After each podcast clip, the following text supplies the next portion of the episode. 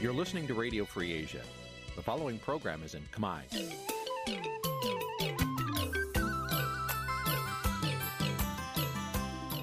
នេះជាកម្មវិធីផ្សាយ Vuthu Azizi Serai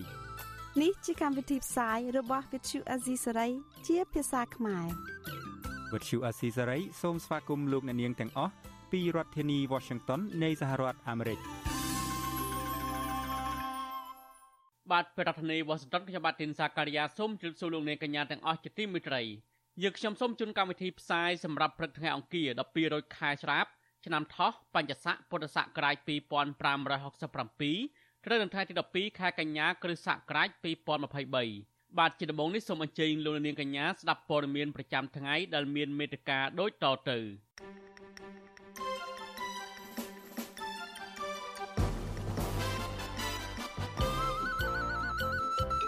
អង្គការលើកលែងទោសអន្តរជាតិស្នើដល់គណៈកម្មាធិការបដិកភណ្ឌពិភពលោកពិនិត្យមើលការបណ្តេញចេញដោយបង្ខំនៅតំបន់អង្គរអ្នកតាមដានស្ថានភាពសង្គមបារម្ភពីការតែងតាំងមន្ត្រីរាជការដោយគ្មានដំណាភាពតុលាការខេត្តស្ទឹងត្រែងក៏ហៅអ្នកការពីប្រៃឡង់ម្នាក់ជុលបំភ្លឺក្រោមបណ្ដឹងរបស់ប្រធានមន្ត្រីបរិស្ថានសង្គមស៊ីវិលស្នើឲ្យអាជ្ញាធររបន្តឹងច្បាប់អន្តរប្រវេសន៍ រួមនឹងព័ត៌មានសំខាន់សំខាន់មួយចំនួនទៀត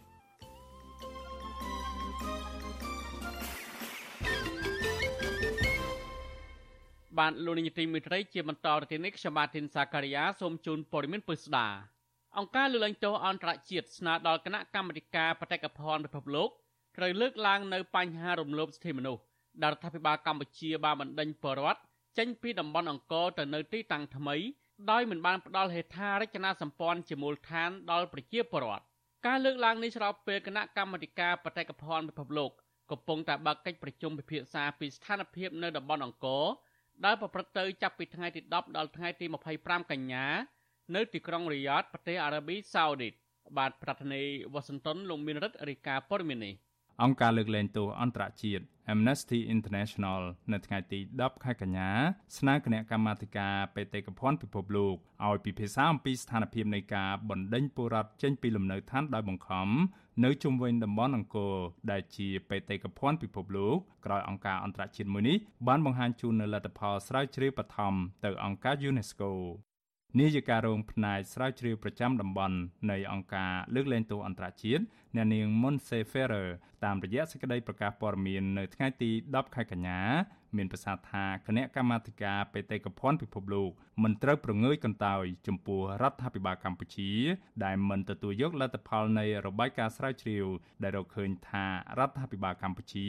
បានបណ្ដេញពលរដ្ឋចំនួន10000គ្រួសារដោយបង្ខំចេញពីតំបន់ជុំវិញប្រាសាទអង្គរវត្តក្រោមហេតុផលអភិរក្ស អ្នកនាង Monseferer មានប្រសាសន៍ថារដ្ឋាភិបាលកម្ពុជា បានអះអាងថាការបណ្តេញចេញនេះគ្រាន់តែជាអ្នករស់នៅខុសច្បាប់តែប៉ុណ្ណោះដែលការនេះគឺផ្ទុយពីពលរដ្ឋដែលអះអាងថាពួកគាត់ជាអ្នកភូមិប្រពៃណីអ្នកនាងបន្តថាទោះជាយ៉ាងណាក៏ដោយការស្រាវជ្រាវរបស់អង្គការលើកលែងទោសអន្តរជាតិបង្ហាញថារដ្ឋាភិបាលកម្ពុជា មិនបានផ្ដល់ភាពច្បាស់លាស់ថាអ្នកណាមានសិទ្ធិស្នាក់នៅស្របច្បាប់នោះទេ លើពីនេះទៀតមនុស្សជាច្រើនដែលត្រូវបង្ខំចិត្តចាកចេញបានប្រាប់អង្គការលើកលែងទោសអន្តរជាតិថាក្រុមគ្រួសាររបស់ពួកគាត់បានរស់នៅតំបន់អង្គរជាច្រើនចំនួនមកហើយដែលពួកគាត់ជឿជាក់ថាជាអ្នកភូមិប្រពៃណីអង្គការលើកលែងទោសអន្តរជាតិ បានចងក្រងឯកសារអំពីស្ថានភាពក្រីក្រនៃទីតាំងលំនៅឋានថ្មី ដែលគ្រួសារត្រូវផ្លាស់ប្ដូរទៅរស់នៅ ដែលទីតាំងទាំងនោះមិនមានលំនៅឋានឬបង្គន់អនាម័យនោះទេហើយក្រុមគ្រួសារដែលត្រូវបានបណ្តេញចេញតម្រូវឲ្យសាងសង់ផ្ទះដោយខ្លួនឯងដែលផ្ទុយទៅនឹងស្តង់ដារសិទ្ធិមនុស្សអន្តរជាតិដែលចែងថាទីតាំងថ្មីត្រូវតែរួមបញ្ចូលការផ្គត់ផ្គង់ទឹកស្អាតលំនៅឋាន និងអនាម័យនៅមុនពេលមនុស្សត្រូវផ្លាស់ទីលំនៅ ពលរដ្ឋនៅតំបន់រុនតាឯកលោកឈូគឿនថាលោកនិងឪពុកម្ដាយរបស់លោកជាអ្នករស់នៅតំបន់អង្គរតាំងពីដើមមកម្ល៉េះហើយលោកត្រូវផ្លាស់ប្ដូរទៅទីតាំងថ្មីនៅតំបន់រុនតាឯកតាមគោលការណ៍របស់រដ្ឋាភិបាលកម្ពុជាលោកឈូគឿនថាគ្រួសាររបស់លោកបង្ខំចិត្តលក់ផ្នែកខ្លះនៃដីនៅទីតាំងថ្មីនេះដើម្បីសាងសង់ផ្ទះព្រោះលោកថាសំណងជាង1លានរៀលក្នុងមួយគ្រួសារមិនអាចឲ្យលោកសាងសង់ផ្ទះថ្មីបាននោះទេ លោកបន្តថាបើទោះបីជាលោកលក់ដីខ្លះក៏មិនអាចសាងសង់ផ្ទះថ្មីបានដែរហើយក្រុមគ្រួសាររបស់លោក បានសម្រេចចិត្តខ្ចីបុលលុយពីធនាគារនិងបញ្ចាំបានក្រីក្រលោកឈូកគឿនបន្តថាកន្លងទៅពលរដ្ឋដែលទៅតំបន់រុនតាឯកត្រូវប្រឈមជាមួយនឹងគ្រោះធម្មជាតិដូចជាខ្យល់កន្ត្រាក់និងទឹកជំនន់ជាដើមនៅតំបន់ថ្មីយើងវាខ្លះវាអត់ទាន់មានដើមឈើមានអីទៅវាអាចប្រឈមជាមួយនឹងខ្យល់ កន្ត្រាក់ខ្យល់អុយដែលវាប៉ះបុកទប់ជាមួយនឹងភ្នំកលែនទៅវាច្រាលមកបុកជាមួយនឹងផ្ទះរបស់ជាប្រវត្តិអីខ្លះខ្លះដែរវិសុវស៊ីស្រីមិនអាចសុំការឆ្លើយតបរឿងនេះពីអ្នកនាំពាក្យអាជ្ញាធរជាតិអប្សរាលោកលងកុសល និងអ្នកនាំពាក្យរដ្ឋាភិបាល លោកប៉ែនបូណា បាននៅឡើយទេនៅថ្ងៃទី11ខែកញ្ញា ជុំវិញរឿងនេះអ្នកសម្របសម្រួលគម្រោងធុរកិច្ចនិងសិទ្ធិមនុស្សរបស់មជ្ឈមណ្ឌលសិទ្ធិមនុស្សកម្ពុជា លោកវ៉ាន់សុផាត លើកឡើងថាពលរដ្ឋដែលបានផ្លាស់ប្តូរទីលំនៅពីតំបន់អង្គរទៅទីតាំងថ្មីដែលរដ្ឋាភិបាលកំណត់នោះកំពុងប្រឈមនឹងបញ្ហាជាច្រើន ដូចជាកង្វះទឹក ភ្លើង និងបង្គន់អនាម័យជាដើម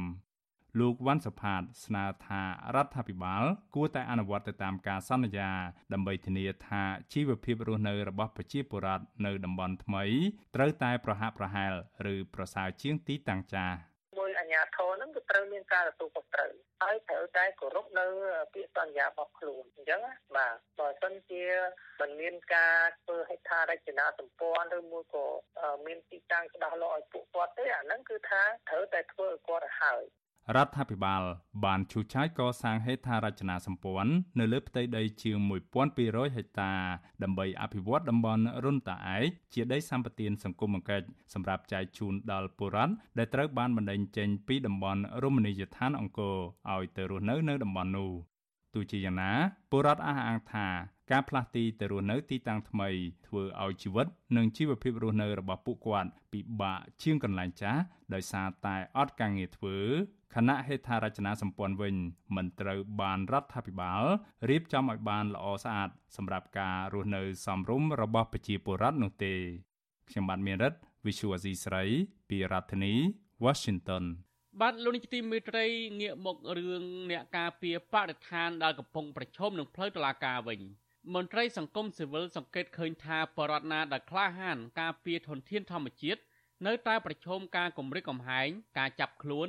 និងការប្តឹងតាមប្រព័ន្ធតុលាការពីសំណាក់អាជ្ញាធររដ្ឋការលើកឡើងនេះបន្ទាប់ពីតុលាការខេត្តស្ទឹងត្រែងបានកោះហៅសកម្មជនការពារប្រៃឡង់ម្នាក់ទៀតតាមបណ្ដឹងរបស់ប្រធានមន្ត្រីបរិស្ថានខេត្តស្ទឹងត្រែងលោកស្រីជាហេងសកម្មជនការពារប្រៃឡង់ដែលជាជនជាតិដើមភាគតិចគួយរស់នៅស្រុកថ្លាបរវត្តលោកអុកម៉ៅ ប្រាប់វិទ្យុអាស៊ីសេរីថាលោកនឹងត្រៀមខ្លួនចូលបំភ្លឺនៅតុលាការខេត្តស្ទឹងត្រែងនៅថ្ងៃទី12កញ្ញានេះអ្នកការពារប្រៃឡង់រំនេះបានចាត់ទុកពាក្យបណ្ដឹងនេះថាជាល្បិចមូលបង្កាច់ដើម្បីគម្រាមកំហែងលោកឲ្យឡើងហ៊ានរិះគន់ពីបញ្ហាប្រៃឈើនិងផ្ដល់ព័ត៌មានទៅប្រព័ន្ធផ្សព្វផ្សាយអំពីស្ថានភាពប្រៃឡង់ដែលកំពុងតែប្រឈមនឹងការកាប់បំផ្លាញនិងឈូសឆាយកាន់តែរីកធំឡើង លោកម៉ៅប្រាប់វិទ្យុអសិរ័យថាតឡាការគ្មានភ័ស្តុតាងរឹងមាំដាក់បន្ទុកលើលោកឡើយពីព្រោះលោកមិនបានប្រព្រឹត្តកំហុសដោយការចោទប្រកាន់របស់តុលាការនោះទេតែព្រឹកទៅវិញប្រធានមន្ត្រីបរិស្ថានខេត្តស្ទឹងត្រែងលោកស្រីជាហេងនៅតែបណ្ដាបណ្ដោយឲ្យកើតមានការបំផ្លិចបំផ្លាញព្រៃឈើនៅក្នុងតំបន់ព្រៃឡង់ក្នុងដែនសមត្ថកិច្ចរបស់ខ្លួនលោកបញ្ជាក់ថាមកទល់ពេលនេះជាង1ឆ្នាំមកហើយ ដោយមន្ត្រីបរិស្ថានប្តឹងលោកក៏ប៉ុន្តែតុលាការរកមិនឃើញកំហុសរបស់លោកនោះឡើយក្រោយមន្ត្រីអស់ហ្នឹងសិតពួកគំនុំខ្ញុំទេខ្ញុំនិយាយរឿងព្រៃឈើគាត់លៀបសការៈរបស់គាត់ទៅខ្ញុំនិយាយទៅគេខឹងខ្ញុំគេដាក់បន្ទុកលើខ្ញុំសូមឲ្យតឡាការរកភាពយុត្តិធម៌ជូនខ្ញុំផងហើយបើសិនតឡាការមានគ្រប់ច្បាប់ត្រូវយកអមន្ត្រីបរិស្ថានហ្នឹងចុះគុកជំនួសខ្ញុំវិញបើបើខ្ញុំមិនបានកាប់ទេជាពិសេសលោកឈោកហ្មងកាប់ដល់ជាលេអូខ្ញុះក្បាលក្បាល100បដ ாய் 1គីឡូ កាលពីថ្ងៃទី14សីហាកន្លងទៅតំណាងអัยការខេត្តស្ទឹងត្រែងលោកសិនរក្សាបានចេញនៃការកោះហៅលោកអុកម៉ៅឲ្យចូលខ្លួនបំភ្លឺនៅថ្ងៃទី12កញ្ញាឆ្នាំ2023ពីបទកាប់រុករានដីព្រៃយកមកធ្វើជាកម្មសិទ្ធិនៃការកោះហៅនេះមិនបានបញ្ជាក់ឈ្មោះដើមបណ្ដឹងនោះទេក៏ប៉ុន្តែសកម្មជនការពារព្រៃឡង់អះអាងថាប្រធានមន្ត្រីបរិស្ថានខេត្តស្ទឹងត្រែងលោកស្រេងជាហេងគឺជាដើមបណ្ដឹងនៅក្នុងសំណុំរឿងនេះ សកម្មជនការពារបរិស្ថានលោកអុកម៉ៅបន្ថែមថាដែនចម្រោកសត្វព្រៃឡង់ជាច្រើនទីតាំងកំពុងទទួលរងការកាប់បំផ្លាញនិងឈូសឆាយអស់ជាច្រើនពាន់ហិកតាបន្ថែមទៀតថិតនៅក្នុងឃុំអន្លង់ជ្រៃឃុំចំការលើ និងឃុំអន្លង់ភេដែលមានជាប់ពាក់ព័ន្ធនឹងមន្ត្រីបរិស្ថានមួយចំនួនខົບខិតជាមួយជនល្មើសលោកអះអាងថាលោកមានភ័ស្តុតាងច្បាស់លាស់ប្រាប់តុលាការអំពីអក្រិតកម្មព្រៃឈើទាំងនេះ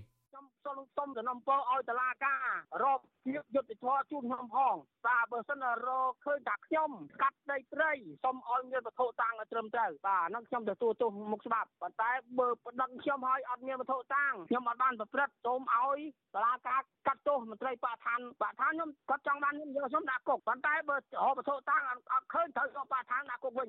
វិទ្យុអសិរ័យមិនអាចតកតងសំការបំភ្លឺពីតំណាងអัยការអមស្រុកដំបងខេត្តស្ទឹងត្រែងលោកសិនរក្សា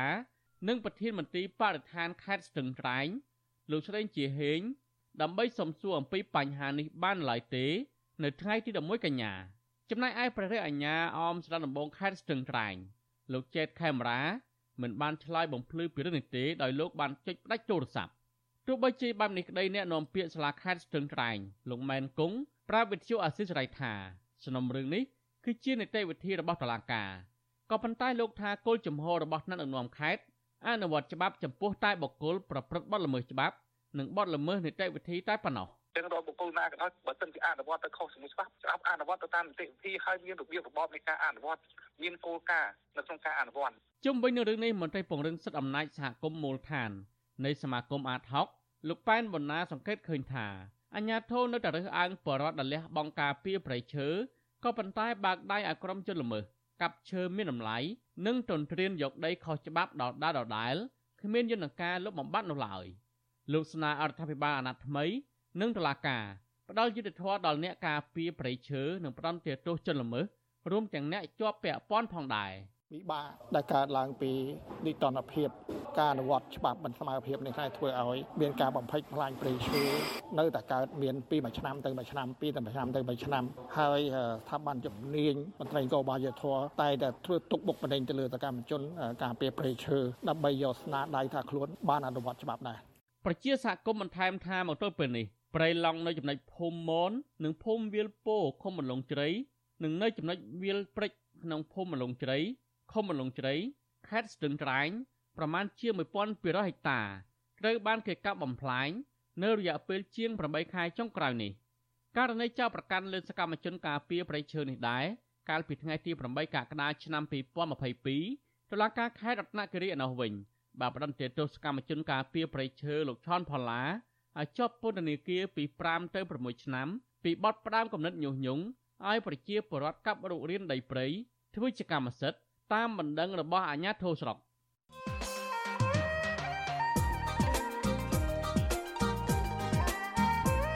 បាទលោកនាយកទីមេត្រីថ្មីត្បិតតែសមាជិកភាពគណៈរដ្ឋមន្ត្រីថ្មីនិងមន្ត្រីនៅធ្វើការអែបជាប់នឹងលោកហ៊ុនម៉ាណែតភ ieck ច្រើនជាកូនអ្នកធំឡើងបន្សាក់តាមខ្សែស្រឡាយក្តីក្នុងនោះក៏មានកូនចៅមនុស្សសាមញ្ញមួយចំនួនតូចដែរក៏ប៉ុន្តែកូនចៅអ្នកដែលមិនជាប់ខ្សែស្រឡាយវណ្ណៈអ្នកដឹកនាំហើយអាចរក្សា ឬទទួលតំណែងក្នុងគណៈរដ្ឋមន្ត្រីថ្មីរបស់លោកហ៊ុនម៉ាណែតបានលុះត្រាតែអ្នកនោះឬជននោះហ៊ានប្រើវិធីគ្រប់យ៉ាងរួមមាន អ្នកចេះលើកជើងបញ្ចាច់បញ្ចើអ្នកចេះកលៃនៅបង្កើតច្បាប់ដើម្បីចាប់អ្នកដែលមិនមាននិន្នាការស្របនឹងក្រុមខ្លួន និងជាពិសេសជាជនដែលដល់ហ៊ានប្រើអំពើហិង្សាសម្រាប់មនុស្សដើម្បីការពារអំណាចនិងគ្រួសារត្រកូលហ៊ុនជាដើមបាទនេតិវិទ្យាអ្នកស្ដាប់វិទ្យុអាស៊ីសេរីនៅយប់ថ្ងៃអង្គារទី12កញ្ញានេះ និងពិភាក្សាលើប្រធានបទថាតើសមាជិកគណៈរដ្ឋមន្ត្រីថ្មីរបស់លោកហ៊ុនម៉ាណែតឆ្លោះបញ្ចាំងបែបណាពីទិសដៅទៅមុខនៃរដ្ឋាភិបាលថ្មីនេះបាទបើសិនជាលោកនាងមានសំណួរចង់សួរមកកាន់វិក្កាមរបស់យើងសូមលោកនាងដាក់លេខទូរស័ព្ទនៅក្នុងខ្ទង់ comment Facebook និង YouTube របស់វិទ្យុអាស៊ីសេរីក្រុមការងាររបស់យើងនឹងហៅទៅលោកនាងវិញបាទកម្មវិធីនេះសម្របសម្រួលដោយលោកជុនច័ន្ទបត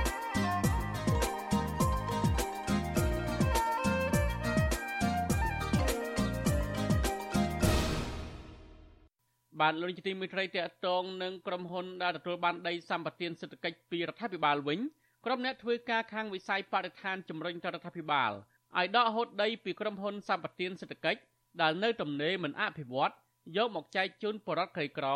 ល្អជាងកាត់ជ្រឿលដីព្រៃនៅតំបន់ការពារការលើកឡើងនេះកើតឡើងបន្ទាប់ពីក្រសួងបរិស្ថានបន្តកាត់ដីព្រៃអភិរក្សជីវៈចម្រុះអេសាននៅស្រុកកោះញែកជាង1000ហិកតាយកទៅចែកឲ្យបរិវត្ត បាទប្រធានាធិបតីវ៉ាស៊ីនតោនលោកជីវិតារីកាព័រមីនេះសកម្មជនបរិស្ថាននិងអ្នកឃ្លាំមើលធនធានធម្មជាតិលើកឡើងស្រដៀងគ្នាថារដ្ឋាភិបាលមិនចាំបាច់កាត់ជ្រៀលដីព្រៃអភិរក្សជីវៈចម្រុះអេសាន ស្ថិតនៅស្រុកកោះញែកខេត្តមណ្ឌលគិរី ទៅឲ្យប្រជាពលរដ្ឋនោះទេរដ្ឋគួរដកហូតដីសម្បត្តិសេដ្ឋកិច្ចណា ដែលមិនមានការអភិវឌ្ឍនិងរំលោភកិច្ចសន្យា ទៅឲ្យពលរដ្ឋក្រីក្រទាំងអស់នោះល្អជាង ពួកគេជំរុញទៅអាជ្ញាធរ ឲ្យបែងចែកដីទាំងអស់នោះប្រកបដោយតម្លាភាពនិងយុត្តិធម៌សកម្មជនការពារសិទ្ធិមនុស្សនិងបរិស្ថានលោកម៉ាចិត្រាប្រាប់វិទ្យុអាស៊ីសេរីនៅថ្ងៃទី11កញ្ញាថារដ្ឋាភិបាលគួរតែដកហូតដីពីក្រុមហ៊ុនសម្បត្តិសេដ្ឋកិច្ចនៅតំបន់នោះយកទៅឲ្យប្រជាពលរដ្ឋប្រសើរជាងកាត់ជ្រៀលដីព្រៃអភិរក្សលោកសាទរដែលរដ្ឋាភិបាលបានគិតគូរដល់ប្រជាពលរដ្ឋក្រីក្រពិតប្រាកដទោះជាយ៉ាងណា លោកថាការបែងចែកដីទាំងអស់នោះ ត្រូវឲ្យមានតម្លាភាពនិងយុត្តិធម៌ជៀសវាងការខົບខិតគ្នា បែងចែកដីទាំងនោះឲ្យតែបពពួករបស់ខ្លួន។ អ្នកដឹកនាំវ័យក្មេងនេះណាឲ្យគាត់ពិចារណាកុំយកលំអានចាស់របៀបថាឲ្យតែឃើញព្រៃតាណាក៏កាត់ឃើញព្រៃតាណាក៏ឆ្ងាញ់ណាព្រោះអីកន្លងមកហ្នឹងយើងឃើញហើយថារដ្ឋាភិបាលចាស់នោះកាត់ព្រៃរាប់ពាន់រាប់ម៉ឺនហិកតាទៅឲ្យក្រុមហ៊ុនឯកជនហ្នឹងហើយវាមិនបានប្រយោជន៍អីច្រើនសម្រាប់ប្រជាពលរដ្ឋវាបានប្រយោជន៍ជាច្រើនសម្រាប់គេហៅថាខ្សែស្រឡាយបពុផងគាត់រដ្ឋាភិបាលអាណត្តិថ្មីនេះដែលមានអ្នកដឹកនាំវ័យក្មេងគេហៅថាសុទ្ធសឹងតែជាបញ្ញវន្តនេះនឹងមានការភ្ញាក់រលឹកកុំឲ្យធ្វើដូចរដ្ឋាភិបាលមុនមុនបាទ ស្រដៀងគ្នានេះដែរអ្នកស្រាវជ្រាវនឹងឃ្លាំមើលធនធានធម្មជាតិនៅកម្ពុជា លោកសេងសុកហេងដែលកំពុងចុះសិក្សាស្រាវជ្រាវនៅភូមិភាគឦសានយល់ឃើញថា បច្ចុប្បន្នគម្របព្រៃឈើនៅកម្ពុជា កំពុងបន្តបាត់បង់ជារៀងរាល់ថ្ងៃធ្វើឲ្យអ្នកជំនាញបរិស្ថានមានការព្រួយបារម្ភខ្លាំងលោកបន្ថែមថារដ្ឋគួរពិចារណាដកហូតដីសម្បត្តិសេដ្ឋកិច្ចនៅតំបន់នោះយកមកបែងចែកឲ្យប្រជាពលរដ្ឋក្រីក្រ ល្អជាងកាត់ដីព្រៃការពារវាមិនសូវជាបានផលប្រយោជន៍ប្រមាណទេបើសិនជាការកាប់ខ្វៀលនោះវាចេះតែបន្តកើតមានវាចេះតែធ្វើនៅតំបន់ការពារតំបន់អីហ្នឹងបាទយើងគិតថាវាជា ចេតនាមួយដែលវាមិនសូវជាឆ្លោះបញ្ចាំងទៅនឹងផលប្រយោជន៍ជាតិអីប្រហែលទេហើយមួយទៀតក៏គិតថានីតិវិធីខ្លះមកក៏វាមិនបានផ្ដល់ទៅដល់ប្រជាពលរដ្ឋអីពិតប្រាកដដែរវាជាវិធីសាស្ត្រមួយដែលមិនលួចមិនអំណាចនោះគាត់ច្បាមយកដៃនោះសម្រាប់តែបពពួកខ្លួនតែប៉ុណ្ណោះវិទ្យុអាស៊ីសេរីមិនអាចតាក់ទងแนะនាំពាក្យក្រសួងបរិស្ថានលោកផៃប៊ុនឈឿននិងแนะនាំពាក្យសាលាខេត្តមណ្ឌលគិរីលោកនាងវណ្ណៈ ដើម្បីសុំការបកស្រាយបញ្ហានេះបានទេ នៅថ្ងៃទី11កញ្ញាដោយទូរស័ព្ទចូលច្រើនដងគ្មានអ្នកទទួលចំណែកប្រធានមន្ទីរបរិស្ថានខេត្តមណ្ឌលគិរីលោកឆៅប៊ុនធឿននិងអភិបាលស្រុកកោះញែកលោកដឹមនីក៏មិនអាចតាក់ទងបានដែរកាលពីថ្ងៃទី20ខែកក្កដាកន្លងទៅអតីតរដ្ឋមន្ត្រីក្រសួងបរិស្ថានលោកសាយសំអាល់បានចុះហត្ថលេខាកាត់ជ្រៀលដីព្រៃច្រករបៀងអភិរក្សជីវៈចម្រុះអេសាន ស្ថិតនៅស្រុកកោះញែកខេត្តមណ្ឌលគិរីប្រមាណជាង1000ហិកតា ក្នុងនោះជាង500ហិកតាសម្រាប់បែងចែកទៅឲ្យពលរដ្ឋក្រីក្រចំនួន150គ្រួសារនិងមួយចំនួនទៀតសម្រាប់រដ្ឋបាលស្រុកកោះញែកប្រើប្រាស់ដីព្រៃច្រករបៀងអភិរក្សជីវៈចម្រុះអេសាននេះក៏ត្រូវបានរដ្ឋាភិបាលចាស់កាត់ជ្រៀលចំនួន6000ហិកតា ដែលរដ្ឋាភិបាលថាយកទៅបែងចែកឲ្យប្រជាពលរដ្ឋក្រីក្រ ដោយក្នុងមួយគ្រួសារទទួលបាន5ហិកតាប៉ុន្តែសហគមន៍មូលដ្ឋាននៅតំបន់នោះអះអាងថាភាគច្រើននៃអ្នកទទួលបានដីសម្បត្តិសេដ្ឋកិច្ចនេះគឺពលរដ្ឋចំណាក់ស្រុកមកពីខេត្តផ្សេងផ្សេងខ្ញុំជីវិតាអាស៊ីសេរី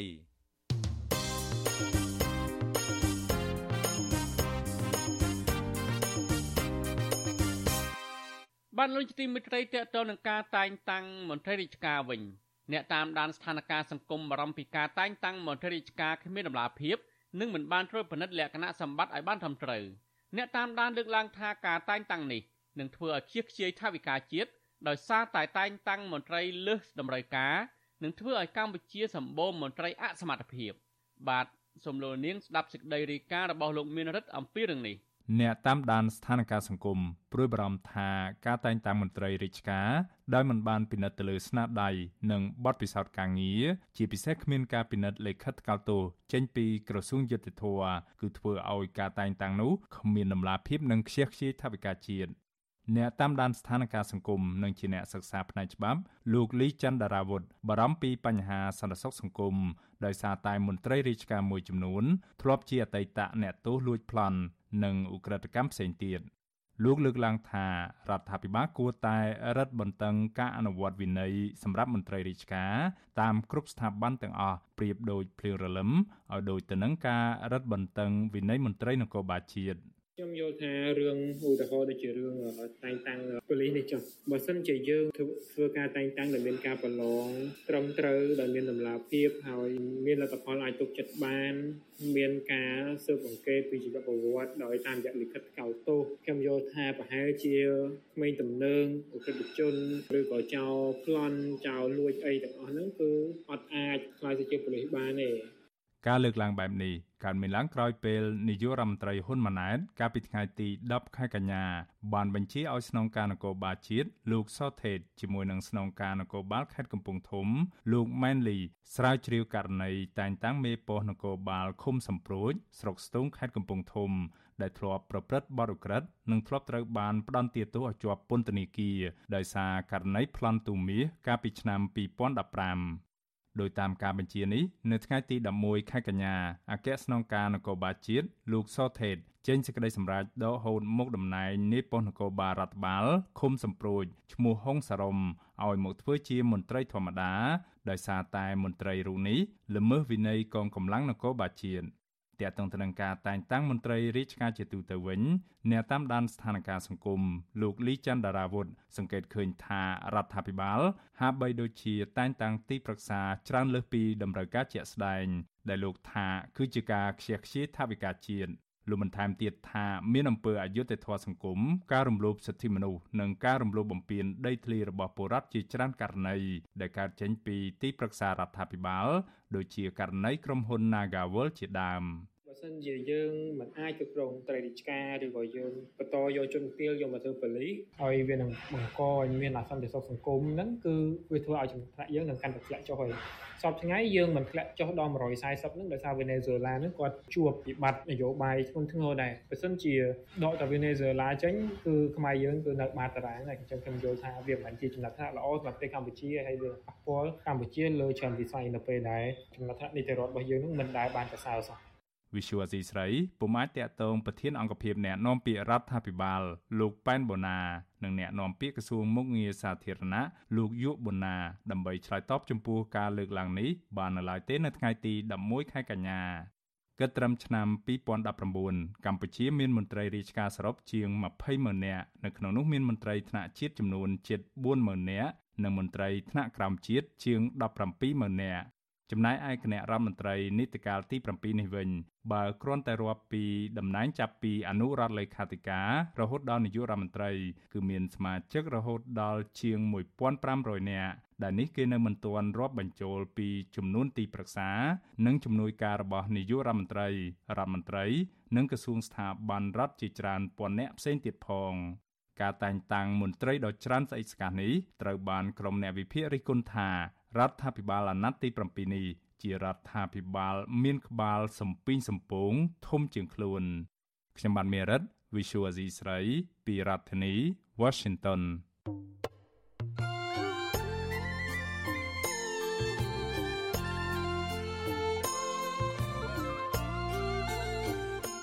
បាទលោកនាយកទីមេត្រីវិទ្យុអសិរ័យផ្សាយតាមរលកធាតុអាកាសខ្លីតាមកម្រិតនិងកម្ពស់ដល់ចតនេះ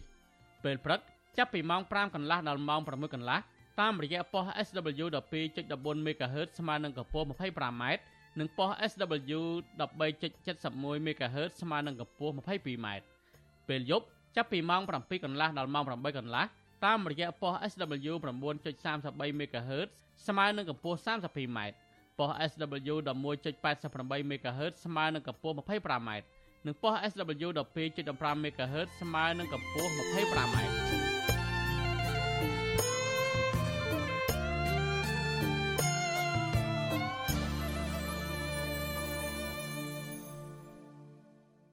បាទលោកនាយកទីមេត្រីនៅឯខេត្តបន្ទាយមានជ័យឯនេះវិញមន្ត្រីប៉ូលីសខេត្តបន្ទាយមានជ័យបន្តឃុំខ្លួនសកម្មជនគណបកភ្លើងទៀនចំនួន6នាក់និងដោះលែងចំនួន17នាក់ពាក់ព័ន្ធនឹងការដើរប្រមូលស្នាមមេដៃប្រជាពលរដ្ឋដើម្បីបង្កើតគណបកនយោបាយថ្មីមន្ត្រីសង្គមស៊ីវិលលើកឡើងថារឿងនេះជាការរឹតបន្តឹងសិទ្ធិសេរីភាពរបស់ពលរដ្ឋដោយខុសច្បាប់ដើម្បីរាំងខ្ទប់មិនឲ្យពលរដ្ឋចូលរួមជីវភាពនយោបាយបាទសូមលោកនាងស្ដាប់សេចក្តីរាយការណ៍របស់លោកនៅវណ្ណរិនអំពីរឿងនេះ សកម្មជនគណៈបកភ្លើងទៀនលើកឡើងថាការដោះលែងពួកគាត់នេះដោយសារតែពួកគេពុំមានពាក់ព័ន្ធនឹងការបង្កើតគណៈបកថ្មីដោយការចោទរបស់ប៉ូលីសនោះឡើយអតីតលេខាធិការគណៈបកភ្លើងទៀនខេត្តបន្ទាយមានជ័យលោកសួនខេមរិន ប្រាប់វិទ្យុអាស៊ីសេរីនៅថ្ងៃទី11ខែកញ្ញាថាមន្ត្រីប៉ូលីសស្នងការនគរបាលនៃខេត្តបន្ទាយមានជ័យបានដោះលែងលោកនិងសកម្មជនគណៈបកភ្លើងទៀនចំនួន16ផ្សេងទៀតកាលពីថ្ងៃទី10ខែកញ្ញាបន្ទាប់ពីឃុំខ្លួនអស់រយៈពេលជាង30ម៉ោងលោកបញ្ជាក់ថាការឃុំខ្លួននេះដោយសារប៉ូលីសចោទថាពួកគេដើរប្រមូលស្នាមមេដៃពីប្រជាពលរដ្ឋដើម្បីបង្កើតគណៈបកថ្មី។ គេសួរថាតើគណៈបកថ្មីដែលបង្កើតនឹងតើអ្នកណានៅពីក្រោយខ្ញុំបានបញ្ជាក់ប្រាប់គាត់ថាខ្ញុំមិនបានដឹងរឿងនេះទេខ្ញុំគ្រាន់តែឃើញលិខិតស្នាមមួយគឺចេញនៅក្រសួងមហាផ្ទៃគឺគណៈបកនឹងគឺគេជំរាបមកលោកអឹមសុនិតឲ្យលោកអឹមសុនិតនឹងបង្កើតគណៈបកថ្មីមួយឈ្មោះថាបញ្ញាទំនើបហើយតម្រូវឲ្យលោកអឹមសុនិតប្រមូលស្នាមមីដៃឲ្យគ្រប់ដើម្បីបំពេញតាមលក្ខន្តិកៈរបស់គណៈបកនយោបាយមិនសមមិនក៏បានធ្វើកិច្ចសន្យាខ្ញុំអត់ហ៊ាននិយាយច្រើនទេគិតថាពេលដែលយើងត្រឡប់មកវិញគឺអត់ឲ្យយើងធ្វើអ្វីដែលអាជ្ញាធរបានហាមឃាត់មិនមានការអាជ្ញាពីអាជ្ញាធរលោកបន្តថាសកម្មជនគណៈបកភ្លើងទៀន6នាក់ផ្សេងទៀតត្រូវបានប៉ូលីសឃុំខ្លួននៅស្នងការដ្ឋាននគរបាលខេត្តបន្ទាយមានជ័យដើម្បីសាកសួរបន្តអ្នកទាំងនោះជាថ្នាក់ដឹកនាំរបស់គណៈបកភ្លើងទៀនខេត្តនេះរួមមានលោកស៊ិនវត្ថាលោកទេពសម្បត្តិវឌ្ឍនោលោកឡុងឡាវី លោកទួតវាសនា លោកឈុំស៊ីណាត និងលោកវ៉ាន់ស៊ីអ៊ីវ ពួកគេត្រូវបានអាជ្ញាធរចាប់ឃុំខ្លួនកាលពីថ្ងៃទី8និងទី9ខែកញ្ញាដោយពុំបានបង្ហាញពីដីកាតុលាការឡើយវិទ្យុអាស៊ីសេរីមិនអាចតាក់ទងស្នងការនគរបាលខេត្តបន្ទាយមានជ័យលោកសិតឡោះដើម្បីសុំការអធិប្បាយជុំវិញការចាប់ខ្លួនមន្ត្រីគណៈបកប្រឆាំងនេះបានទេ នៅថ្ងៃទី11ខែកញ្ញា ទោះជាយ៉ាងណាអតីតរដ្ឋមន្ត្រីក្រសួងមហាផ្ទៃលោកសខេងបានអនុញ្ញាតឲ្យបង្កើតគណៈបកបញ្ញាទំនើបតបតាមការស្នើសុំរបស់តំណាងស្ថាបនិកគណៈបកនេះគឺលោកអឹមសូនិតលិខិតរបស់ក្រសួងមហាផ្ទៃចុះថ្ងៃទី18ខែសីហាឆ្នាំ2023លើកឡើងថាដើម្បីទទួលបានសុពលភាពនិងអាចធ្វើសកម្មភាពដោយស្របច្បាប់ ក្នុងឋានៈជានីតិបុគ្គលក្នុងរយៈពេល180ថ្ងៃបន្ទាប់ពីការបង្កើតរួចហើយគណៈបកបញ្ញាទំនើបត្រូវរៀបចំនិងបំពេញលក្ខន្តិកៈស្នើសុំចុះបញ្ជីនៅក្រសួងមហាផ្ទៃស្របតាមកថាខណ្ឌទី2នៃមាត្រា9មាត្រា18ថ្មី មាត្រា19ថ្មី និងមាត្រា20នៃច្បាប់ស្តីពីគណៈបកនយោបាយ ជុំវិញរឿងនេះអ្នកនាំពាក្យសមាគមការពារសិទ្ធិមនុស្សអាត់ហុកលោកសង្សានករណាមានប្រសាសន៍ថាការបង្កើតគណៈបកនយោបាយថ្មីគឺជាសកម្មភាពនយោបាយសមស្របទៅតាមច្បាប់ដូច្នេះអាជ្ញាធរគួរតែសម្រួលដល់ប្រជាពលរដ្ឋដើម្បីបង្កើតគណៈបកថ្មីនេះលោកចាត់ទុកការចាប់ឃុំខ្លួនសកម្មជនគណៈបកភ្លើងទៀននេះថាជាការរឹតបន្តឹងនយោបាយរបស់ប្រជាពលរដ្ឋដោយខុសច្បាប់ ធ្វើបែបនេះយើងឃើញហើយនៅក្នុងតែជួរគណៈបកនិងសកម្មជននយោបាយនៃគណៈបកប្រឆាំងបែបនេះវាចង់មិនចង់ច្បាស់ជារងការរិះគន់អំពីចំណាត់ការនឹងហើយហើយអាចចោទប្រកាន់មកថាវាជាករណីនយោបាយជាងនៃការអនុវត្តច្បាប់អញ្ចឹងការមើលឃើញកន្លងមកគឺបែបនឹងឯងដោយសារតែមធ្យោបាយនៃការចោទប្រកាន់ការធ្វើទុកបុកម្នេញដែលប្រើប្រាស់ប្រព័ន្ធច្បាប់នឹងដែលគេមើលឃើញថាវាជាការធ្វើឡើងហាក់ដូចជាមិនទាន់មានភាពល្អត្រឹមត្រូវទៅតាមនីតិវិធីផ្លូវច្បាប់នោះទេបាទច្បាប់ស្តីពីគណៈបកនយោបាយមេត្រា9ចែងថាប្រជាពលរដ្ឋខ្មែរយ៉ាងតិចណាស់80នាក់ដែលចាប់ពីអាយុ18ឆ្នាំឡើងទៅនិងមានទីលំនៅអចិន្ត្រៃយ៍នៅកម្ពុជា មានសិទ្ធិបង្កើតគណៈបកនយោបាយមួយបានដោយគ្រាន់តែជូនដំណឹងជាលាយលក្ខណ៍អក្សរទៅក្រសួងមហាផ្ទៃហើយក្រសួងមហាផ្ទៃត្រូវឆ្លើយតបជាលាយលក្ខណ៍អក្សរថាទទួលបានសេចក្តីជូនដំណឹងនេះយ៉ាងយូរណាស់15ថ្ងៃ បើហួសកំណត់15ថ្ងៃត្រូវចាត់ទុកថាបានទទួលសេចក្តីជូនដំណឹងនេះចំណែកមាត្រា19នៃច្បាប់ដដែលក៏បានចែងថាដើម្បីទទួលបានសុពលភាពគណៈបកនយោបាយត្រូវសុំចុះបញ្ជីគណៈបកនយោបាយដោយត្រូវមានសមាជិកយ៉ាងហោចណាស់4000នាក់មកពីតាមបណ្ដាខេត្តក្រុងមួយចំនួនមន្ត្រីសង្គមស៊ីវិលអះអាងថាអ្នកនយោបាយដើរប្រមូលស្នាមមេដៃពីប្រជាពលរដ្ឋដើម្បីបង្កើតគណៈបកគឺជារឿងត្រឹមត្រូវស្របតាមច្បាប់ ខ្ញុំបាទនៅវណ្ណរិន With Chu Azizi Saray ពីរដ្ឋធានី Washington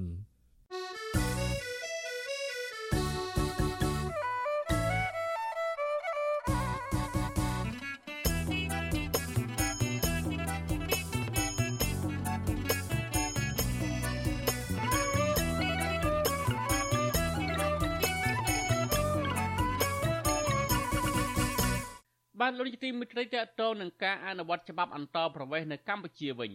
មន្ត្រីអង្គការសង្គមស៊ីវិលបារម្ភថាភាពធូររលុងនៃការអនុវត្តច្បាប់អន្តរប្រវេសន៍កំពុងតែคล้ายជាមធ្យោបាយងាយស្រួលដល់ជនល្មើសយកប្រទេសកម្ពុជាធ្វើជាកន្លែងជួញដូរមនុស្សនិងចាប់ចម្រិតយ៉ាងសកម្មនៅក្នុងតំបន់អាស៊ី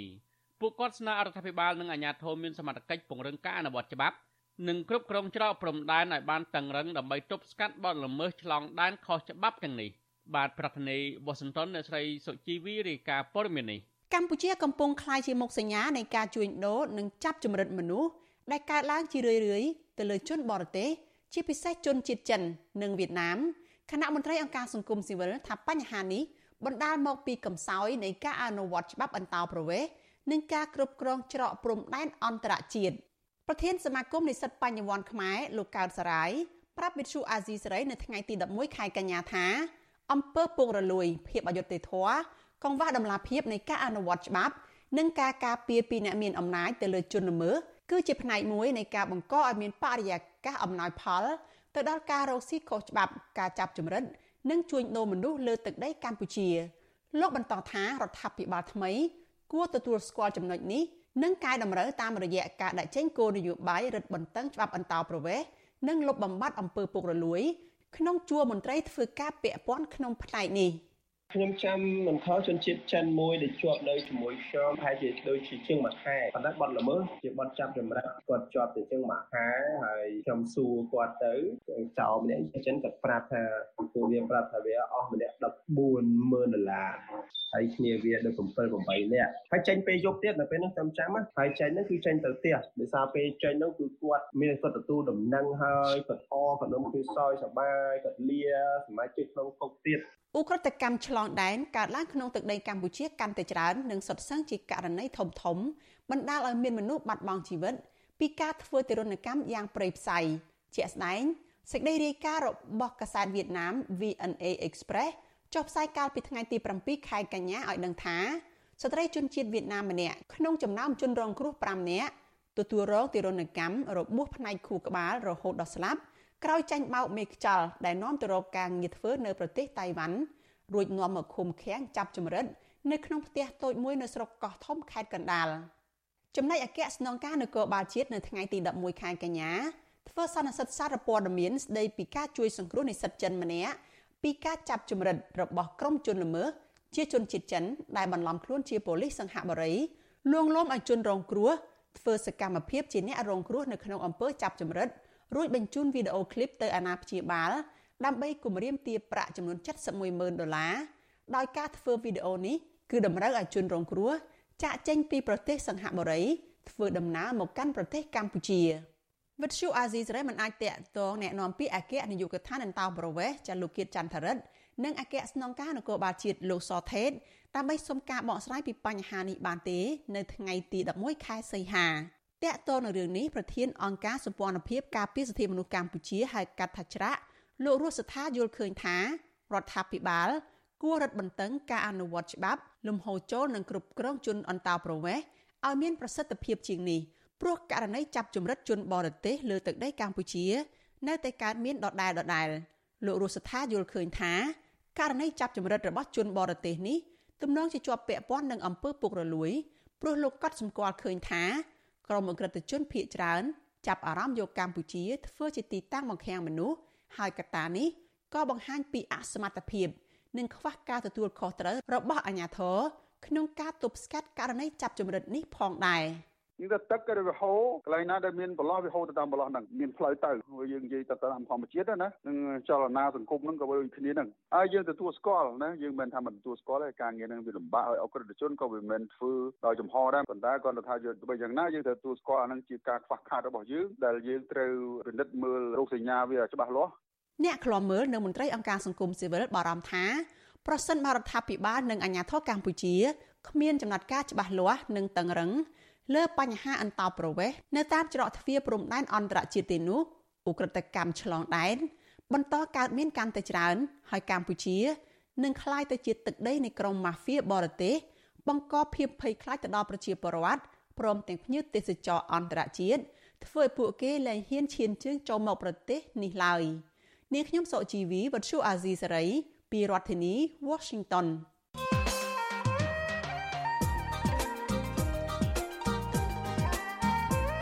បាទលោកនាយកទីមេត្រីអ្វីត្បិតតែសមាជិកគណៈរដ្ឋមន្ត្រីថ្មី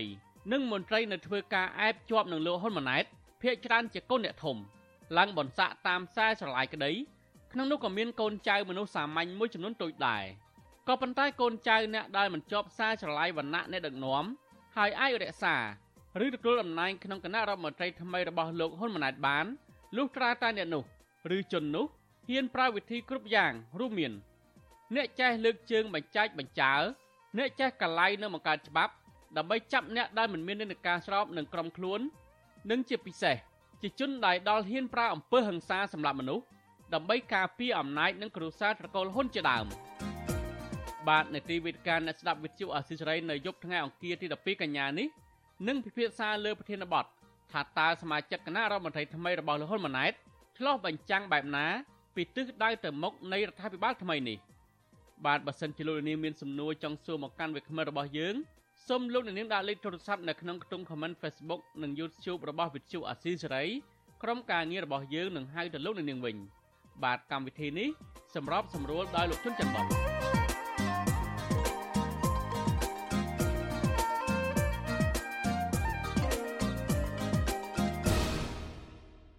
បានលុយទីមិត្តរីតកតងនឹងរឿងរ៉ាវដែលជនល្មើសបានរំដោះអ្នកទោសចេញពីពន្ធនាគារនៅខេត្តសៀមរាបឯណោះវិញមន្ត្រីសង្គមស៊ីវិលនិងអ្នកជំនាញផ្នែកច្បាប់រិះគន់នគរបាលថ្នាក់ជាតិថាយឺតយ៉ាវក្នុងដំណើរការស្រាវជ្រាវតាមចាប់ខ្លួនជនសង្ស័យមួយចំនួនដែលកំពុងរត់គេចខ្លួនពាក់ព័ន្ធនឹងការចូលរួមធ្វើសកម្មភាពរំដោះអ្នកទោសនៅខេត្តសៀមរាបកាលពីដើមខែសីហាជនសង្ស័យជនជាតិទូគី6នាក់និងជនជាតិខ្មែរ2នាក់ដែលជាអ្នករៀបចំអាវុធ ឲ្យក្រុមអក្រិតជនចេញប្រតិបត្តិការរំដោះអ្នកទោសគ្រឿងញៀនជនជាតិតៃវ៉ាន់នៅខេត្តសៀមរាប កាលពីដើមខែសីហានោះមកទល់ពេលនេះសមត្ថកិច្ចមិនទាន់ចាប់ពួកគេបានឡើយទេគណៈរបាយការណ៍នៃដំណើរការលទ្ធផលស៊ើបអង្កេតចុងក្រោយក៏សមត្ថកិច្ចមិនទាន់បង្ហាញឲ្យមហាជនបានដឹងនៅឡើយប្រធានអង្គការសម្ព័ន្ធភាពការពារសិទ្ធិមនុស្សកម្ពុជាហកតច្រៈលោករស់សុថាទទួលស្គាល់អំពីនីតិវិធីស៊ើបអង្កេតតាមចាប់ក្រុមអក្រិតជនជារឿងស្មុគស្មាញ ទោះជាយ៉ាងណាលោករស់សុថាលើកឡើងនៅថ្ងៃទី11កញ្ញានេះថាបើសិនជាប្រទេសមួយមានក្រុមបកពួកនិយមរួមទាំងមានអំពើពុករលួយចាក់ស្រេះនៅក្នុងស្ថាប័នរដ្ឋនោះដំណើរការស៊ើបអង្កេតតាមចាប់ខ្លួនក្រុមអក្រិតជននឹងប្រព្រឹត្តទៅគ្មានដំណាភាពនោះទេលោកជំរុញឲ្យមន្ត្រីប៉ូលីសថ្នាក់ជាតិបញ្ចេញលទ្ធផលស៊ើបអង្កេតនេះ។ តែបើយ៉ាងណាក៏ដោយរឿងនេះក៏វាមិនមែនជារឿងអីដែលត្រូវលាក់ទាំងអស់ទេព្រោះអានឹងក្នុងច្បាប់អន្តរជាតិអត់មានអីត្រូវលាក់ផងលើកឡើងទៅព័ត៌មានពាក់ព័ន្ធនឹងសន្តិសុខជាតិបញ្ហាសាធារណៈអញ្ចឹងអាជ្ញាធរត្រូវតែមានករណីជាភាពខា accountability ចំពោះអ្នកពាក់ព័ន្ធនឹងវិជារបស់ខ្លួនដែលមានកំពុងតែមានការធ្វើបារម្ភពីធ្វើការធ្វើបច្ចុប្បន្នភាពឬក៏ធ្វើសន្និសីទសារព័ត៌មានឲ្យអ្នកសារព័ត៌មានបានជ្រាបអំពីស្ថានភាពរឿងដំណើរការការរីកចម្រើនការស៊ើបអង្កេតហ្នឹងខ្ញុំគិតថានឹងគឺល្អបំផុត អគ្គស្នងការរងនគរបាលជាតិទទួលបន្ទុកបង្ក្រាបបទល្មើសគ្រឿងញៀនលោកម៉ាក់ជីតូប្រាប់វិទ្យុអាស៊ីសេរីកាលពីចុងខែសីហាថាបេសកកម្មតាមចាប់ខ្លួនក្រុមចូលរួមធ្វើសកម្មភាពរំដោះអ្នកទោសនៅខេត្តសៀមរាបនោះនៅមិនទាន់បញ្ចប់នោះទេលោកអះអាងថាកម្ពុជាក៏សហការជាមួយប្រទេសក្នុងតំបន់និងប៉ូលីសអន្តរជាតិអង្គតេប៉ូលដើម្បីតាមចាប់ខ្លួនមនុស្ស8នាក់ទៀតដែលជាមុខសញ្ញាដែលធ្វើសកម្មភាពរៀបចំអាវុធឲ្យក្រុមអក្រិតជនធ្វើសកម្មភាពរំដោះអ្នកទោសកន្លងទៅ។ ទោះបីជាបែបនេះក្តីមកទល់ពេលនេះមន្ត្រីនគរបាលជាតិមិនទាន់បង្ហាញរបាយការណ៍នៃលទ្ធផលស៊ើបអង្កេតចុងក្រោយនេះឡើយដែរវិទ្យុអាស៊ីសេរីមិនអាចតតងអគ្គស្នងការរងនគរបាលជាតិទទួលបន្ទុកបង្ក្រាបបទល្មើសគ្រឿងញៀនលោកមកជីតូដើម្បីសំសួរអំពីបញ្ហានេះបន្ថែមបានទេនៅថ្ងៃទី11កញ្ញានគរបាលថ្នាក់ជាតិបានចាប់ខ្លួនមេខ្លោងគ្រឿងញៀនជនជាតិតៃវ៉ាន់និងបកពួករបស់ខ្លួនចំនួន11នាក់នៅទីតាំងផ្សេងៗគ្នា បន្ទាប់ពីពួកគេបានធ្វើសកម្មភាពរំដោះអ្នកទោសគ្រឿងញៀនជនជាតិតៃវ៉ាន់នៅគ្លីនិកថ្មិញជុំចិន្តាក្នុងខេត្តសៀមរាបកាលពីថ្ងៃទី17សីហាតុលាការក្រុងភ្នំពេញកាលពីថ្ងៃទី30សីហាសម្រេចឃុំខ្លួនអ្នកទោសគ្រឿងញៀនជនជាតិតៃវ៉ាន់និងបាក់ពួកនៅពន្ធនាគារព្រៃសរក្រុមបាត់ចោលប្រកាន់ជាច្រើនដូចជាបាត់លៀងលុយកខ្វក់ប្លន់មានស្ថានទម្ងន់ទោសបង្ខាំងមានស្ថានទម្ងន់ទោសនិងកាន់កាប់អាវុធគ្មានការអនុញ្ញាតជាដើម។ ជំវិញនឹងរឿងនេះអ្នកសិក្សាផ្នែកច្បាប់លោកវ៉ុនចាន់ឡូតសោកស្ដាយ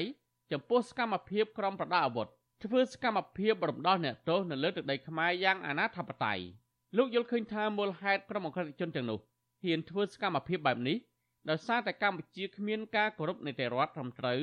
និងមានអំពើពុករលួយជាប្រព័ន្ធ ពួកអ ுக ្រិតជនបែបនេះវាសុទ្ធតែមានបណ្ដាញភ្នាក់ងារខ្លាំងដែរអញ្ចឹងអាការពេចໄວអំពី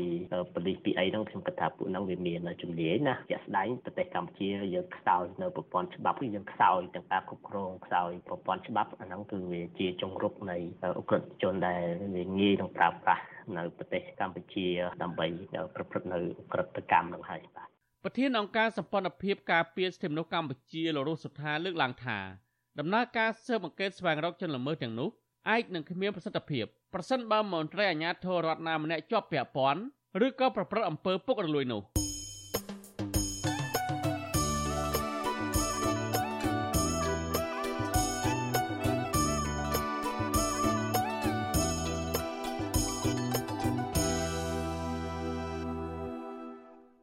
បាទលោកនាយកទីមេត្រីក្នុងឱកាសនេះដែរខ្ញុំបាទសូមថ្លែងអំណរគុណដល់លោកនាងកញ្ញាទាំងអស់ ដែលតែងតែមានភក្ដីភាពចំពោះការផ្សាយរបស់យើងហើយចាត់ទុកការស្ដាប់វិទ្យុអាស៊ីរីជាផ្នែកមួយនៃសកម្មភាពប្រចាំថ្ងៃរបស់លោកនាងការគាំទ្ររបស់លោកនាងនេះហើយដែលធ្វើឲ្យយើងខ្ញុំមានទឹកចិត្តកាន់តែខ្លាំងថែមទៀតក្នុងការស្វែងរកនិងផ្តល់ព័ត៌មានជូនលោកនាង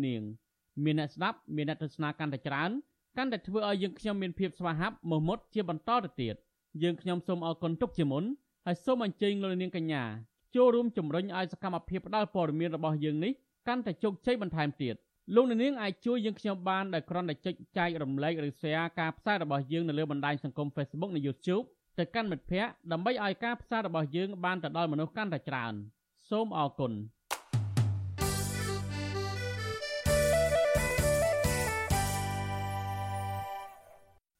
បាទលោកនាងជាទីមេត្រីតកតងនឹងរដ្ឋាភិបាលក្បាលធំវិញអ្នកខ្លមមើលជំរុញឲ្យរដ្ឋាភិបាលកំណត់ឲ្យបានច្បាស់លាស់នៅចំនួនទីប្រឹក្សា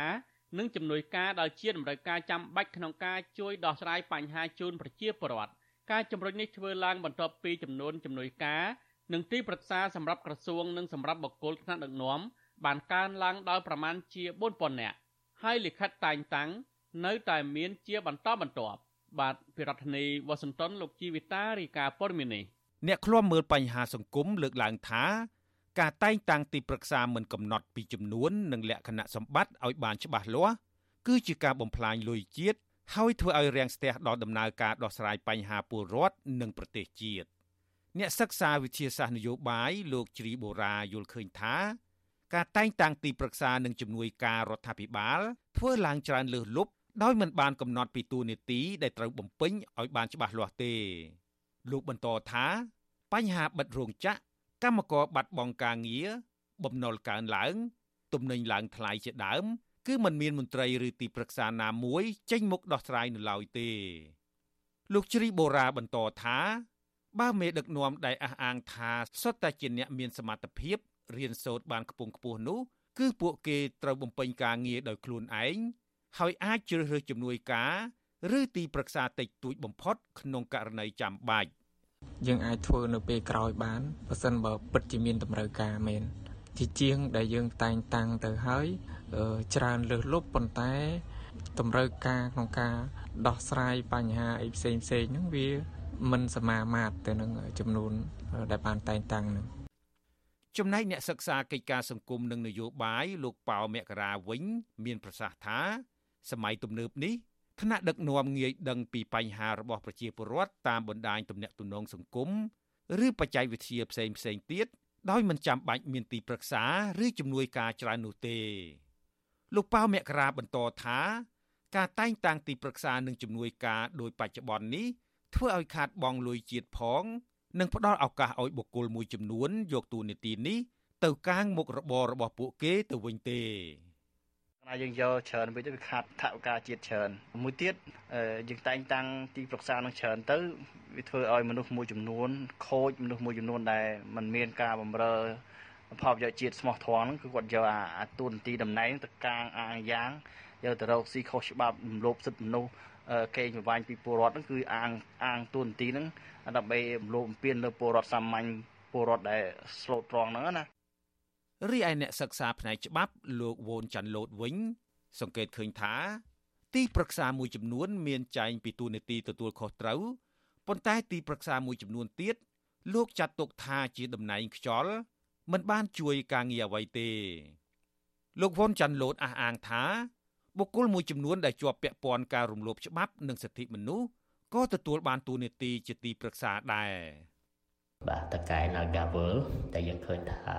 កំពុងតែមានរឿងពាក់ព័ន្ធទៅនឹងកោតកោដែលមានការប្រឈប់ការរំលោភមិនមានការដោះស្រាយជាដើមហ្នឹងក៏ឃើញមានការតែងតាំងជាទីប្រឹក្សារបស់រដ្ឋាភិបាលតើការតែងតាំងនេះក្នុងគោលបំណងអីពីព្រោះអ្នកនោះគឺកំពុងតែជាប់វាក់វិនទៅនឹងការរំលោភបំពានសិទ្ធិមនុស្សណាបាទអតីតតំណាងរាជគណៈបកសង្គ្រោះជាតិលោកអ៊ុំសំអានឲ្យដឹងថា ក្រុមការងារលោកកំពុងស្រង់តួលេខទីប្រឹក្សានិងជំនួយការហើយលទ្ធផលបឋមរកឃើញថាមានប្រមាណ4000នាក់លោកអ៊ុំសំអានអះអាងថា ចំនួនជាក់ស្ដែងអាចច្រើនជាងនេះព្រោះនេះលោកទៅបដកស្រង់បានជាង10ក្រសួងនិងស្ថាប័នតែប៉ុណ្ណោះចំណែកអ្នកវិភាគបញ្ហាសង្គមជើងចាស់លោកបណ្ឌិតឡៅម៉ុងហៃវិញយល់ឃើញថា ការតែងតាំងទីប្រឹក្សានិងជំនួយការនេះមិនចាំបាច់តតែសោះ បើមន្ត្រីក្របខ័ណ្ឌមានជំនាញនិងសមត្ថភាពអនុវត្តគោលនយោបាយរបស់ក្រសួងប្រកបដោយប្រសិទ្ធភាពនោះវិទ្យុអាស៊ីសេរីមិនអាចតាក់ទងแนะនាំពាក្យរដ្ឋាភិបាលលោកប៉ែនបូណាដើម្បីសុំការបំភ្លឺជុំវិញបញ្ហានេះបានទេ នៅថ្ងៃទី10កញ្ញាក្រោយពីមានការរិះគន់ច្រើនពីការតែងតាំងជំនួយការនិងទីប្រឹក្សានេះកាលពីថ្ងៃទី1កញ្ញាលោកនាយករដ្ឋមន្ត្រីហ៊ុនម៉ាណែត បានព្រមានដកតំណែងក្របខ័ណ្ឌរដ្ឋពីមន្ត្រីរាជការស៊ីវិលមន្ត្រីនគរបាលនិងយោធិនជាដើម ដែលទទួលតំណែងជាទីប្រឹក្សាឬជំនួយការរួចហើយទោះជាយ៉ាងណា រហូតមកដល់ថ្ងៃទី10កញ្ញាគេមិនទាន់ឃើញមានការដកតំណែងមន្ត្រីណាមួយនៅឡើយទេ ផ្ទុយទៅវិញ ការតែងតាំងនៅតែបន្តកើតមាន សម្រាប់លោកនាយករដ្ឋមន្ត្រីហ៊ុនម៉ាណែតតែម្នាក់ឯងមានទីប្រឹក្សានិងជំនួយការរហូតដល់ជិត200នាក់ ខ្ញុំជីវិតាអាស៊ីសេរី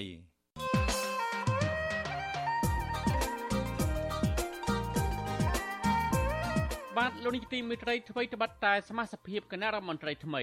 និងមន្ត្រីនៅធ្វើការអែបជាប់នឹងលោកហ៊ុនម៉ាណែតភាកច្រើនជាកូនអ្នកធំឡើងបន្សាក់តាមខ្សែស្រឡាយក្តីក្នុងនោះក៏មានកូនចៅមនុស្សសាមញ្ញមួយចំនួនតូចដែរក៏ប៉ុន្តែកូនចៅអ្នកដែលមិនជាប់ខ្សែស្រឡាយវណ្ណៈអ្នកដឹកនាំហើយអាចរក្សា ឬទទួលតំណែងក្នុងគណៈរដ្ឋមន្ត្រីថ្មីរបស់លោកហ៊ុនម៉ាណែតបានលុះត្រាតែអ្នកនោះឬជននោះហ៊ានប្រើវិធីគ្រប់យ៉ាងរួមមាន អ្នកចេះលើកជើងបញ្ចាច់បញ្ចើអ្នកចេះកលៃនៅបង្កើតច្បាប់ដើម្បីចាប់អ្នកដែលមិនមាននិន្នាការស្របនឹងក្រុមខ្លួន និងជាពិសេសជាជនដែលដល់ហ៊ានប្រើអំពើហិង្សាសម្រាប់មនុស្សដើម្បីការពារអំណាចនិងគ្រួសារត្រកូលហ៊ុនជាដើមបាទនេតិវិទ្យាអ្នកស្ដាប់វិទ្យុអាស៊ីសេរីនៅយប់ថ្ងៃអង្គារទី12កញ្ញានេះ នឹងពិភាក្សាលើប្រធានបទថាតើសមាជិកគណៈរដ្ឋមន្ត្រីថ្មីរបស់លោកហ៊ុនម៉ាណែតឆ្លោះបញ្ចាំងបែបណា ពីទិសដៅទៅមុខនៃរដ្ឋាភិបាលថ្មីនេះបាទបើសិនជាលោកនាងមានសំណួរចង់សួរមកកាន់វិក្កាមរបស់យើងសូមលោកនាងដាក់លេខទូរស័ព្ទនៅក្នុងខ្ទង់ comment Facebook និង YouTube របស់វិទ្យុអាស៊ីសេរីក្រុមការងាររបស់យើងនឹងហៅទៅលោកនាងវិញបាទកម្មវិធីនេះសម្របសម្រួលដោយលោកជុនច័ន្ទបត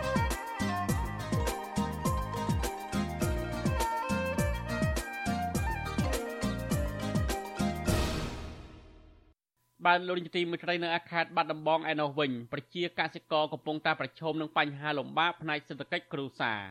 ប្រជាកសិករមួយចំនួននៅស្រុកបវលខេត្តបាត់ដំបងងាកមកចាប់យកមុខរបរចិញ្ចឹមសត្វកណ្ដុរប្រែងដើម្បីរកប្រាក់កម្រៃផ្គត់ផ្គង់ជីវភាពគ្រួសារខណៈសត្វប្រភេទនេះងាយស្រួលចិញ្ចឹមនិងលក់បានតម្លៃខ្ពស់នៅលើទីផ្សារ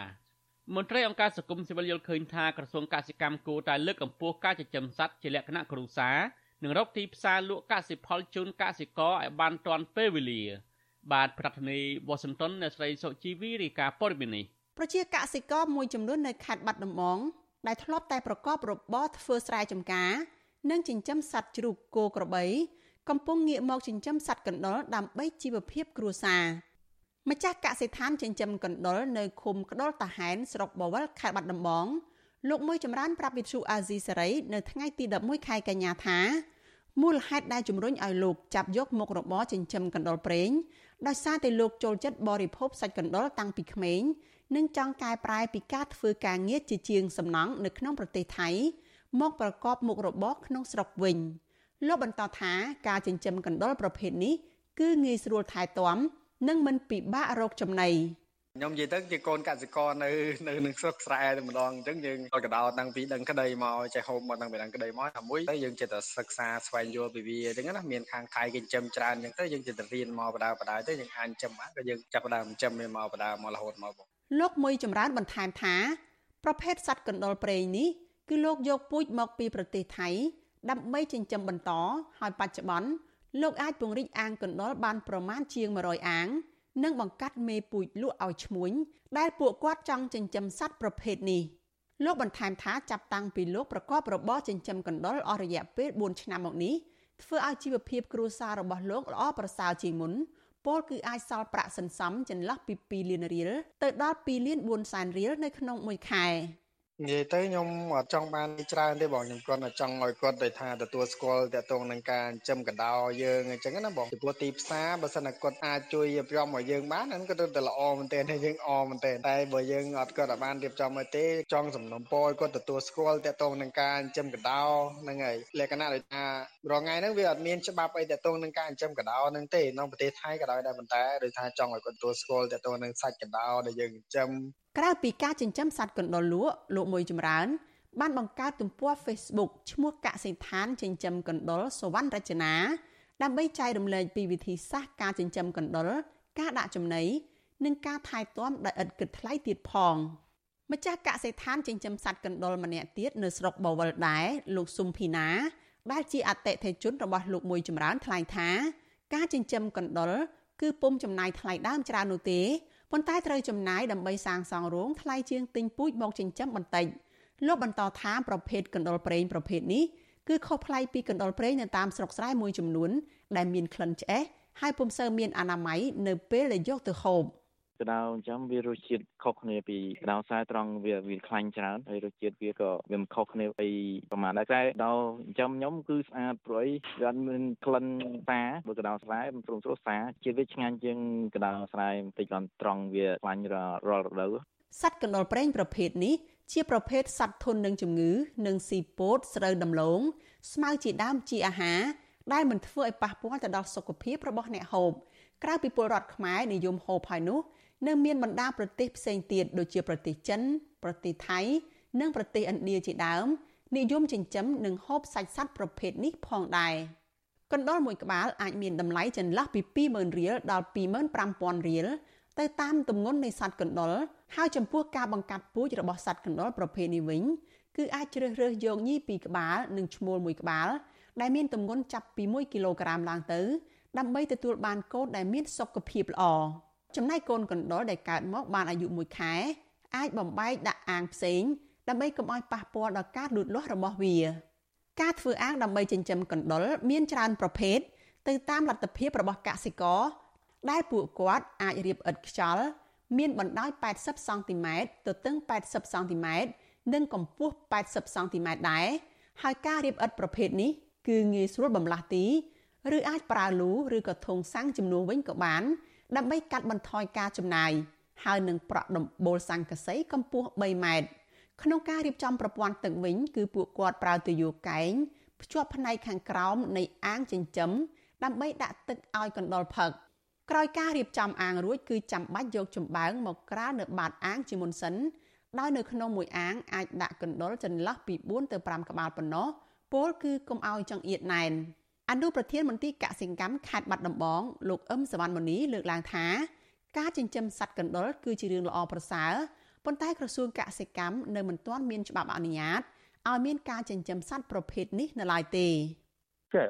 នៅក្នុងនេះខ្ញុំចង់ឲ្យប្រជាកសិ ករដែលគាត់មានអារម្មណ៍ដែលបង្កើតមុខរបរថ្មីហ្នឹងជាពិសេសការដែលចិញ្ចឹមសត្វកដោលហ្នឹងអាចមកជួបជាមួយនឹងមន្ទីរជំនាញជាពិសេសការិយាល័យផលិតកម្មសត្វហ្នឹងណាដើម្បីគាត់មានអាវ៉ាត់នៅក្នុងការដែលគ្រប់គ្រងណែនាំបន្ថែមនិងជួយជំរុញទៅលើផលិតកម្មទី2បានន័យថាមុននេះឲ្យគាត់រៀបចំផែនការផលិតឲ្យបានត្រឹមត្រូវនេះនឹងទីផ្សារទីផ្សារទៅណាអញ្ចឹងណាកុំឲ្យគាត់បង្កើតថ្មីហើយគេថាឲ្យក្រសួងជួយជំរុញអានេះពិបាក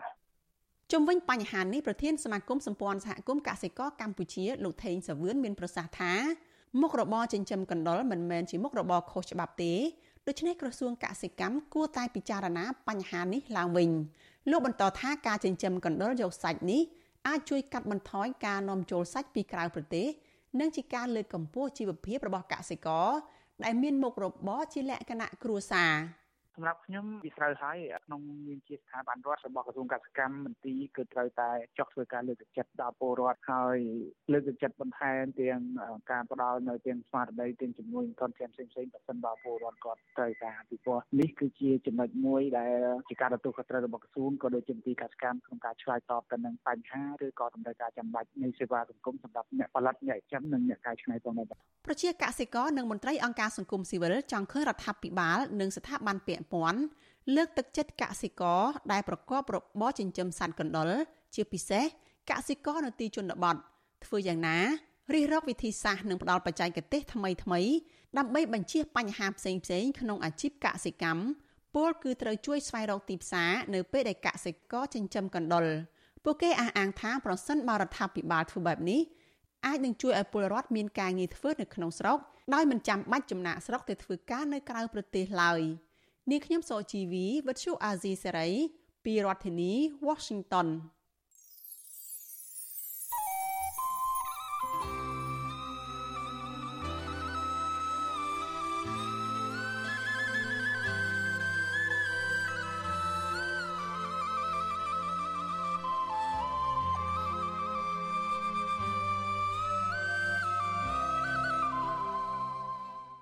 បាទលោកនាងជាទីមេត្រីការផ្សាយរយៈពេល1ម៉ោងនៃវិទ្យុអាស៊ីសេរីជាភាសាខ្មែរនៅពេលនេះចប់តែប៉ុណ្ណេះយើងខ្ញុំសូមជូនពរដល់លោកនាងព្រមទាំងក្រុមគ្រួសារទាំងអស់ឲ្យជួបប្រកបតែនឹងសេចក្តីសុខចម្រើនរុងរឿងកុំបីឃ្លៀងឃ្លាតឡើយខ្ញុំបាទទីនសាករិយាព្រមទាំងក្រុមការងារទាំងអស់នៃវិទ្យុអាស៊ីសេរីសូមអរគុណនិងសូមជម្រាបលា